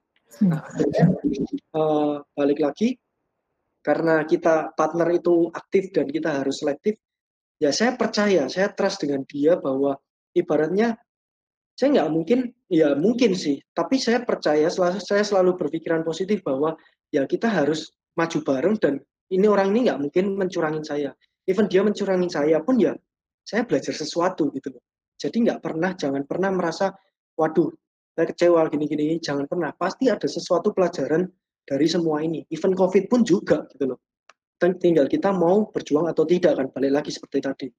Nah balik lagi uh, itu kalau dari segi personality tapi kalau dari segi yang kita bisa benar-benar track ya itu dari penjualan aja. Nah ini balik lagi. Jadi partner yang ke diri juga itu dia bilang Fer, kenapa sih pembukuannya masih manual dan lain-lainnya, sistem kasirnya juga manual, jadi setiap malam itu pulangnya sampai malam karena kita harus closing kasir dan lain-lain. Kenapa nggak pakai sistem aja? Akhirnya dari masukan itu kita pakai sistem kasir online, jadi setiap saat pun saya bisa ngecek ya, dalam artian kita pergi pun, kita lagi liburan, kita bisa ngecek penjualan kita gimana gimana gimana dan semua itu integrasinya online. Saya bisa lihat setiap uh, setiap outlet saya, uh, apa yang kejual, item apa yang nggak kejual dan lain-lainnya itu semuanya bisa ke track. Nah kalau dia ada permintaan tepungnya segini tapi penjualannya segini kan ada yang aneh, ya kan? Nah itu itu itu kita bisa ibaratnya bisa deteksi.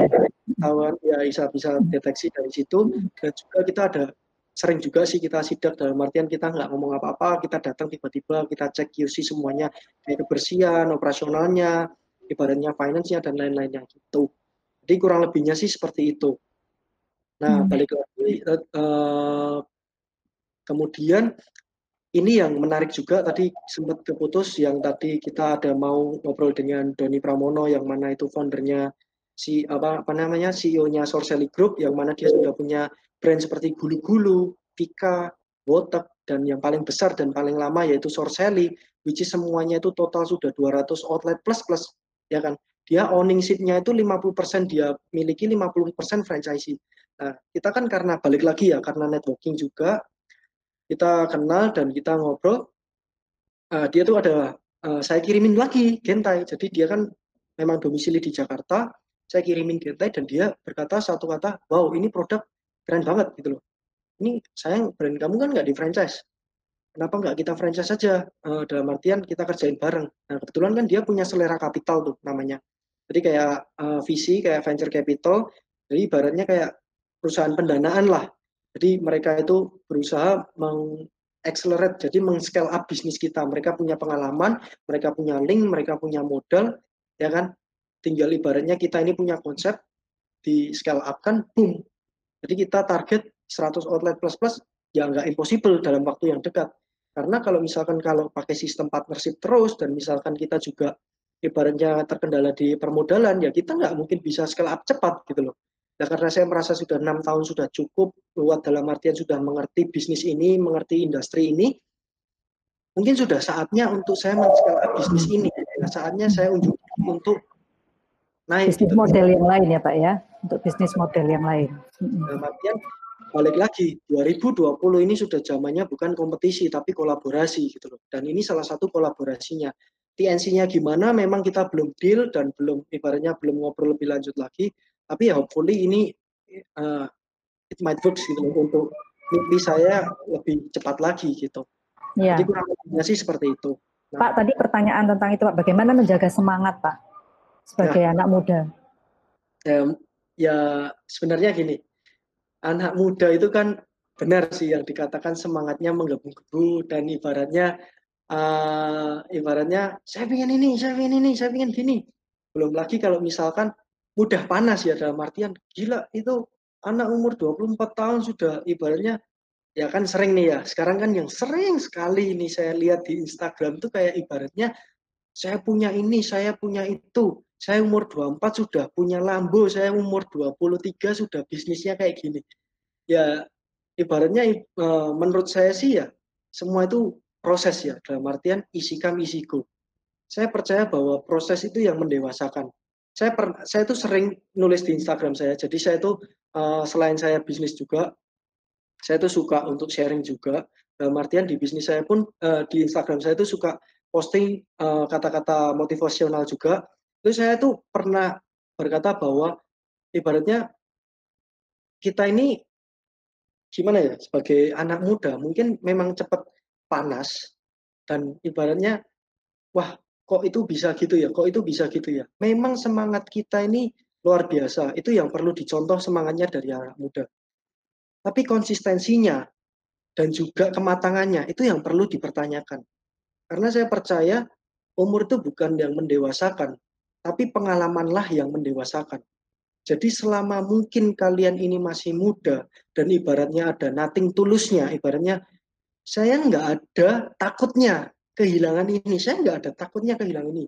Saya sebelum menikah itu benar-benar ibaratnya fokus di kerja, kerja, kerja. Ya sekarang ya saya sudah menikah dan anak saya masih kecil umur lima bulan, ya saya konsentrasinya sudah berubah lagi. Saya harus bijak bisa membagi antara waktu keluarga, bekerja, dan mimpi saya. Nah, balik lagi.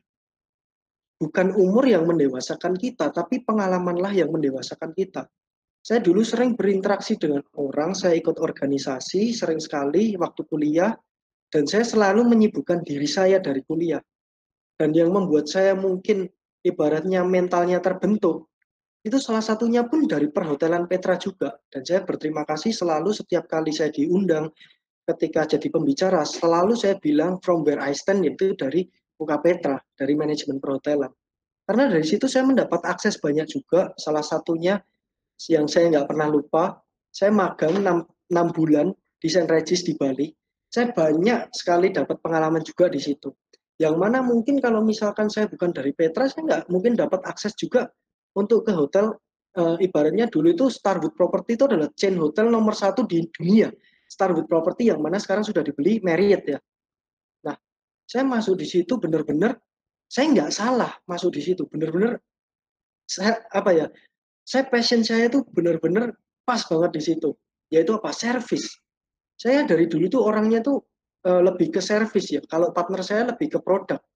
Tapi ya jujur untuk masalah ideas dan lain-lain, untuk pengembangan produk dan lain-lain, karena saya sering ibaratnya buka-buka Instagram, saya sering lihat kompetitor, saya sering lihat apa tren sekarang ada, sering ibaratnya jalan-jalan juga, melihat peluang kanan kiri, oh ini bisa dibuat ini. Ya mungkin ideasnya lebih banyak muncul juga. Akhirnya saya force untuk tim produk, eh bikin ini dong, bikin ini dong, bikin ini dong, buka ini dong, buka itu dong. Nah, balik lagi, saya di uh, regis saya benar-benar servisnya tuh dapat saya benar-benar digembleng di situ. Jadi saya di uh, bangket pernah saya di servis di apa namanya breakfast pernah yang mana kalau breakfast tahu sendiri kalau orangnya lagi okupansi 100% ya bisa mati mati beneran gitu loh. Orangnya kan datangnya luar biasa tapi saya bertatap muka bertemu dengan orang itu macam-macam ada yang dari Rusia, ada yang dari China, ada yang dari Indonesia, ada yang dari Jepang, ada yang dari macam-macam lah semuanya. Dan saya selalu bekerja dengan ini prinsip saya, bekerjalah dengan hati. Ibaratnya semua apa yang ada di uh, ibaratnya ada, ada yang di agama saya ajarkan. Kebetulan saya Katolik dan ya kita punya apa ajaran agama itu juga uh, kita luangkan di pekerjaan kita.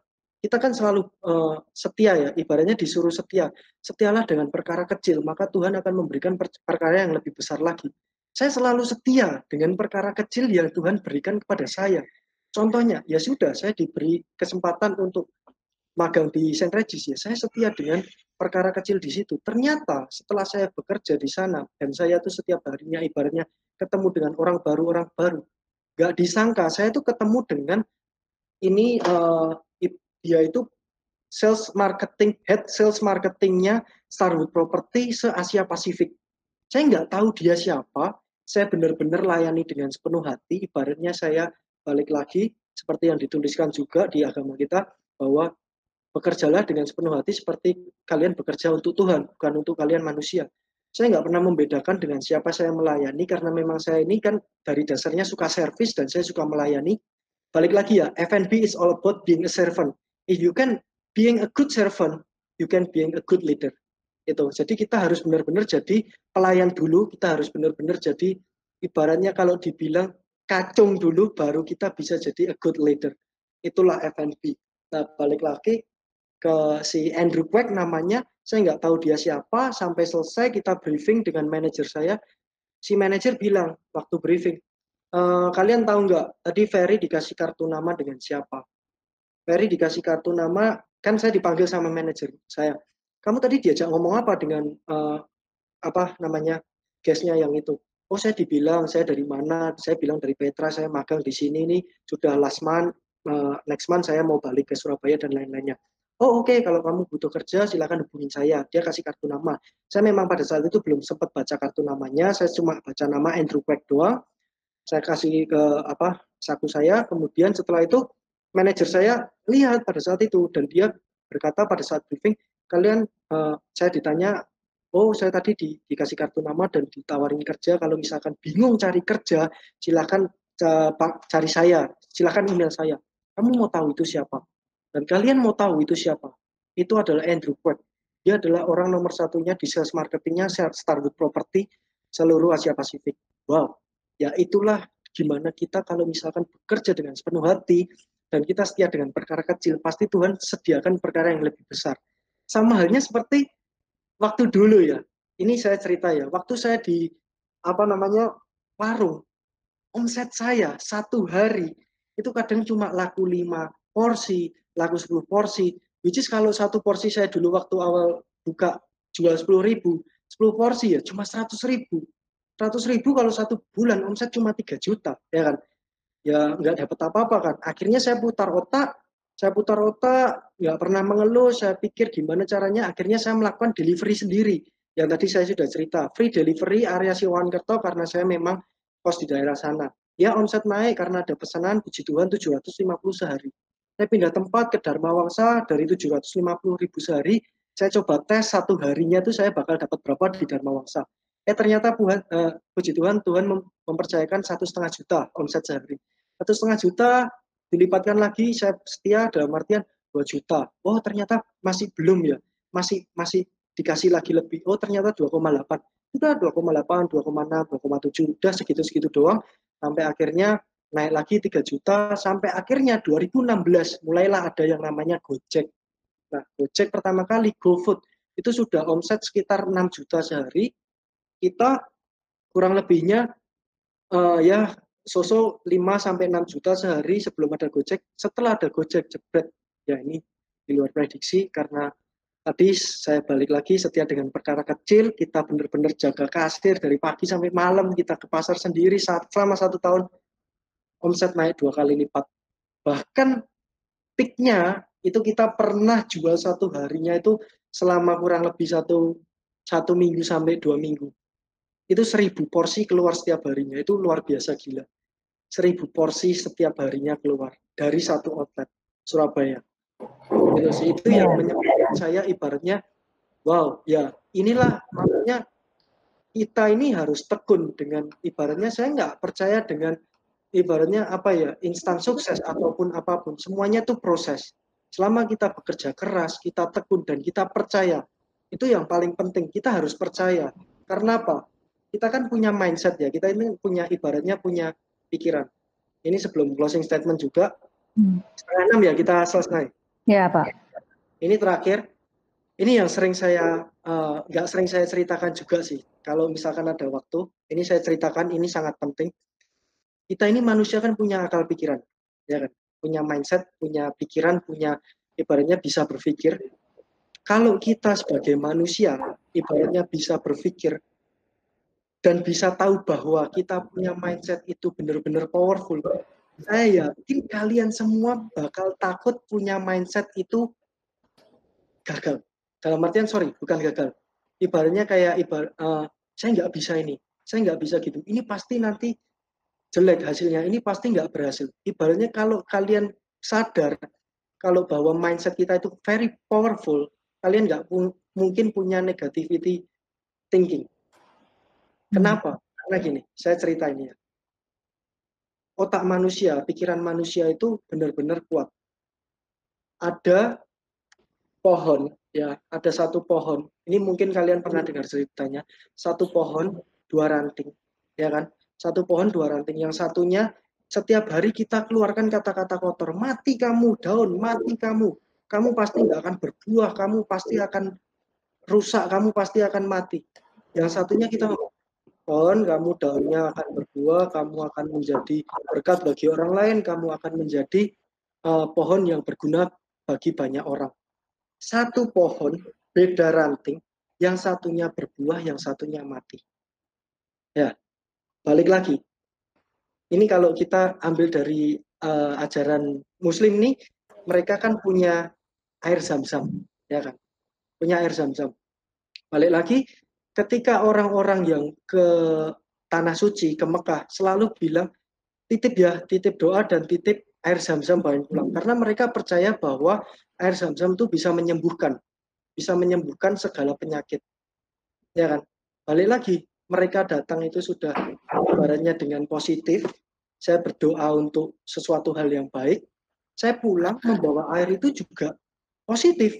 Jadi orang yang minum air itu juga bakal yakin akan sehat gitu loh. Sama halnya kita ada satu penelitian, ini secara ilmiah, secara penelitian, air putih yang setiap hari didoakan, yang enggak, yang awalnya nggak ada molekulnya, jadi ada molekulnya. Luar biasa bukan? Itu sama. Pikiran kita yang membentuk kita. Kalau kita selalu berpikir positif, kita yakin bisa, kita pasti bisa. Itu dari segi logika, dari kita punya sugesti, ya kan, dari mindset kita. Tapi kalau di luar logika, itu adalah iman.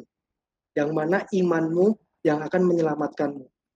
Hmm. Ya, balik lagi, kalau kita percaya akan Tuhan punya rencana, kita punya iman akan Tuhan kita ini, ya kan, pasti ada jalannya. Sama halnya seperti COVID ini. Saya percaya saya bisa melalui dan ternyata puji Tuhan malah dibukakan jalan yang luar biasa itu masih banyak off record off record yang lain yang mungkin nggak bisa saya sharekan karena ini direkod gitu loh. Jadi ya, nanti saya launching beberapa baru lagi ya itulah off record off recordnya gitu. Ya oke okay, Pak Ferry kita beri tepuk tangan yang paling meriah ya dari tempat kita masing-masing untuk Pak Ferry Setiawan.